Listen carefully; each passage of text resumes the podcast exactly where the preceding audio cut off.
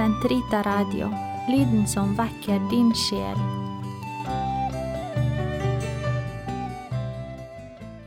Å være arbeidsprest I 1968 var jeg sogneprest i Ålesund et halvt år. Menigheten var på den tiden liten, jeg syntes ikke jeg hadde nok å gjøre og ville gjerne komme litt mer ut blant folk. Så tok jeg sommerjobb på Ole Larsens sildrøykeri i Olsevika øst for byen. Det var tungt arbeid for utrenede prestehender. Sammen med en gruppe skoleungdommer som også hadde tatt seg samme jobb, ble jeg satt til å tre silda inn på teiner, for så å kjøre dem på trillebår inn til fyrrommet. På slutten av mine seks ukers sildeerfaring steg jeg betraktelig i gradene.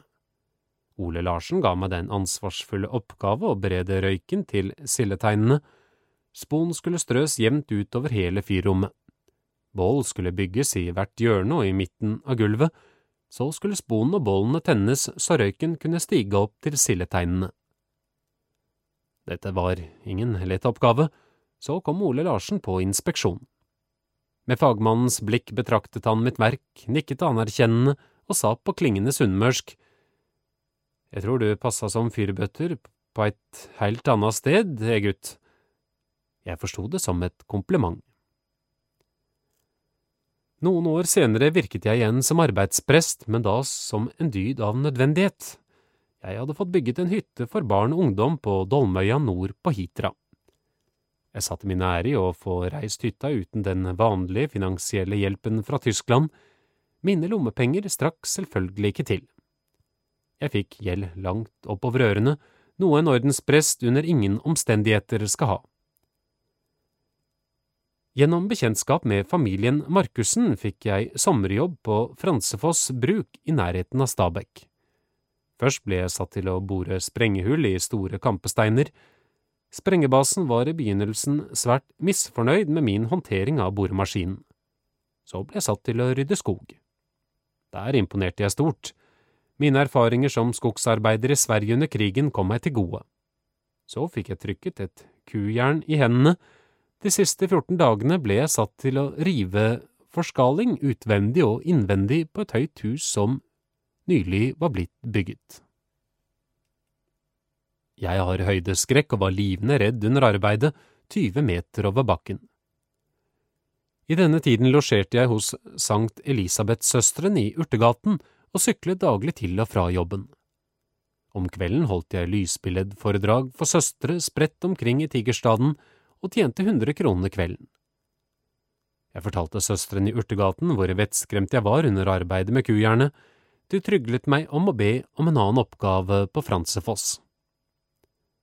Jeg syntes det var usolidarisk mot mine arbeidskamerater og ville fortsette som før. Da bedyret de at de skulle be for meg, og det må de ha gjort dag og natt, for jeg kom fra det med livet i behold. På en arbeidsplass vil arbeiderne vite hvem de andre er, men jeg hadde bestemt meg for å være anonym for ikke å få noen særgoder som prest. Under frokostpausen satt jeg ved et bord benket med kjernekarer. Som seg hør og bør frittet de meg ut om min fortid, jeg svarte litt vagt at jeg hadde arbeidet en del med ungdom. De syntes ikke å være fornøyd med et slikt tåket svar, så en dag spurte jeg mine bordfeller om jeg ville blitt godkjent her på Fransefoss hvis jeg hadde sittet noen år i fengsel. De kikket forskende på meg, endelig falt brikkene på plass, så jeg var altså en fengselsfugl. Svaret kom kjapt. Jo, her ved dette bordet vil jeg nok bli godtatt, men, og blikkene flakket til nabobordet, der borte var det ikke så sikkert. Men hadde du nå bare tatt livet av noen av disse bomsene på Stabekk som lever av våre skattepenger, hadde du vært en helt her på Fransefoss. Vel, vel, litt ubehagelig var det dessuten når de syntes synd på meg fordi jeg ikke hadde noe kvinnfolk, og stadig kom med henvisninger om hvor de var å finne. Jeg fikk godt betalt for innsatsen, men hadde fortsatt 17 000 i gjeld da jeg satte nesen nordover til Trondheim. Det var en betraktelig sum i 70-årene. På hjemturen gjorde jeg en høflighetsvisitt hos en prest som var kjent for å være litt skarp i kantene. Han spurte hvorfor jeg brukte sommerferien min til slitsomt kroppsarbeid. Jeg fortalte ham pliktskyldig om min fatale gjeld. Et eh, øyeblikk, sa han, forsvant til kontoret, kom tilbake til stua og klasket 17 000 kroner på bordet. Jeg mintes hundevisen til Otto Nilsen.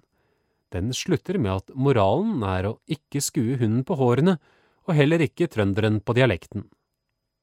For eget vedkommende kunne jeg føye til, og heller ikke presten på det morske oppsyn. Nå var jeg gjeldfri og trakk et lettelsens og takknemlighetens sukk.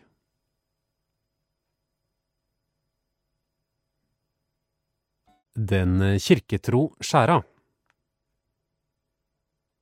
før jeg skriver om den kirketro skjæra, må jeg få nevne at pater Gerhard Schwenzer overtok som biskop i Midt-Norge etter biskop Johannes Ruth. Han hadde vært professor i fundamental teologi i Skolastikati i vårt tyske kloster i Holland før han kom til Norge. Det sies at han fikk tre søvnløse netter etter utnevnelsen, et utmerket godt tegn for en mann som ved ordinasjon skal tre inn i den lange rekke av apostlenes etterfølgere. Den geistlige som går med en biskop i maven, kanskje allerede i unge presteår, bør klokelig aldri ordineres til et embete hvor ordet å tjene går igjen som en rød tråd. Biskop Schwenzer var beskjeden i all sin ferd, høyt avholdt av oss i Midt-Norge. Også utenfor menighetene fikk han lovord og anerkjennelse for å være en dyktig foredragsholder. I økumeniske sammenhenger brøytet han nye veier, i parentes bemerket må det her føyes til at han ikke bare var en kløpper i økumenikk, men også i økonomi, og det var en dyd av nødvendighet i vårt lut fattige stift. Det sies at ingen hadde høyere rente i sparebanken på den tid enn Trondhjem katolske stift. Ja, ryktet gikk at når biskop Schwenzer viste seg i banken, løftet funksjonærene blikket og mumlet spørrende Hva vel skjedd i finansverdenen nå, siden biskop gjester oss. Mange gode minner fra den tid renner meg i hu. Det er især en opplevelse jeg trekker frem i minnet, særlig når lattermusklene trenger mosjon. Biskopen kommer inn på mitt rom og ber om hjelp. En skjære har forvillet seg inn i kirken og finner ikke veien ut. Den har tatt midlertidig opphold i et takgitter, begge forstår vi at det ikke ville være riktig å la den sulte og tørste i hjel i vår berømmelige glasskirke. Og under en gudstjeneste kunne den sende visittkort fra oven ned på intetanende hoder. Her er gode råd dyre. Jeg endte frem en langbue og noen piler som jeg fikk etter en vellykket sjelesorg. Biskopen utstyrer jeg med en langkost og ber ham ta stilling på orgelgalleriet. Selv tar jeg strategisk posisjon i den andre enden av kirkerommet, oppe ved alteret. Skjæra klamrer seg fortvilet fast i takgitteret. Jeg legger en pil på buestrengen, skyter og bommer. Skjæra flakser langs taket i retning biskopen, han veiver tappert med langkosten. Skjæra snur på en femøring og flakser tilbake til meg, ny pil på buestrengen. Jeg skyter og bommer atter. Samme manøver gjentar seg, tredje skudd treffer. Den stakkars skjæra daler ned på kirkegulvet. Der har tøffe søster Sigberta tatt stilling. Hun overlevde bombardementet av Berlin under siste verdenskrig. Resolutt vrir hun hodet om på skjæra og sender den i barmhjertighetens navn over i fuglehimmelen, hvor ingen geistlig forfølger den med skarpe piler. Av denne skjæra har vi da vel mye å lære, har vi ikke? Tenk bare på dens iherdige vilje til å forbli i det hellige kirkerom, selv med døden som følge. Ja, for hvor mange av oss er det ikke som har lettere for å finne kirkedøren etter messen enn samme dør før messen når kirkeklokkene kimer? Rottweileren rydder opp. Det var i begynnelsen av 70-årene at Lokomotivstallen, som altså vår gamle Sankt Olav kirke i Trondheim ble kalt, samt den like gamle prestegården ble revet og den nye glasskirken ble reist. Under den lange byggeperioden flyttet biskop Ruth til Sankt Elisabeth hospital. Selv fikk jeg tildelt en liten seksjon av menighetslokalet. Den skulle tjene som kontor, stue og soveværelse. Resten av menighetslokalet ble benyttet som kirke. Her i dette lille presterommet bodde jeg i to år og ikke helt uten problemer. For som dere vet, øde byggeplasser tiltrekker lysskye elementer. La meg slippe å gå i detaljer. Min venn Kjell hjalp meg ut av dilemmaet. En gang jeg besøkte ham og hans familie, kastet han en tre måneders gammel rottweilervalp i fanget mitt. Se her, ta denne hannhunden med deg hjem, den er din og vil løse alle problemer. Han fikk rett. Tre måneder senere, som unghund, jog den skrekk tyver med finlandshett over hodet, unge par som holdt sine hyrdestunder rett utenfor dørvinduet mitt. Jeg ble bestevenn med Roy, som jeg kalte ham. På den tid så en rottweiler virkelig ut som en rottweiler. Bredt bryst, firkantet, kraftig kropp, butt i alle ender, to tonns trykk i kjeften, fryktinngytende å se til. Her må jeg få skyte inn at vår senere biskop Svenser aldri helt så om jeg var på vei til Rottari eller Rottweilerklubben. Som Roy vokste til, ble han en utmerket trekkhund om vinteren og en like dyktig kløvhund om sommeren. Det var da jeg for alvor fikk smak på fjellet. Jeg og Roy la ut på lange ferder i fjellheimen.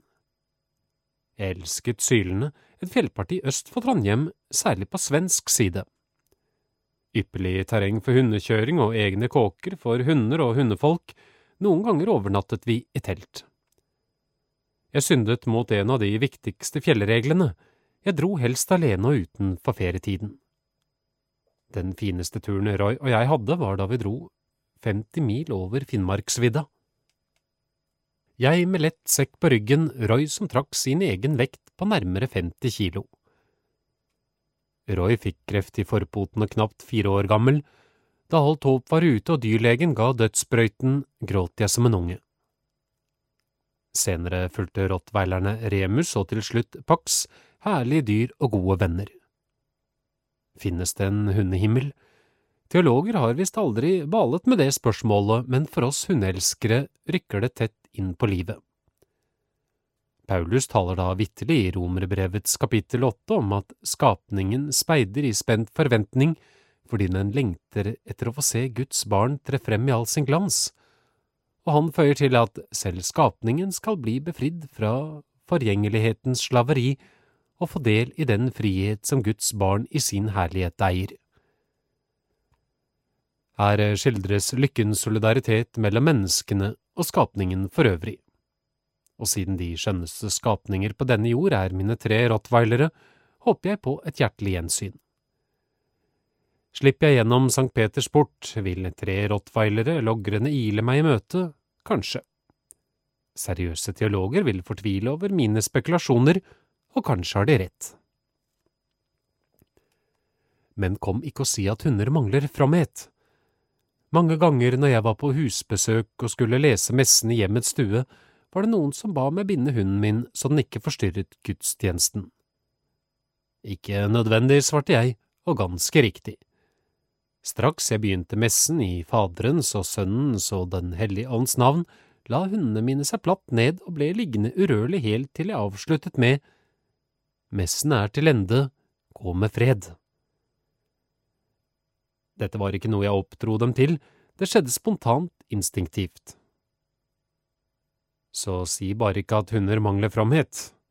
Intet barn bortsett fra vietnamesiske ville greid en slik selvdisiplin. Som prest har jeg hatt en strøm av mennesker på besøk. Hvis noen var redd for hund, stengte jeg den inne på soveværelset.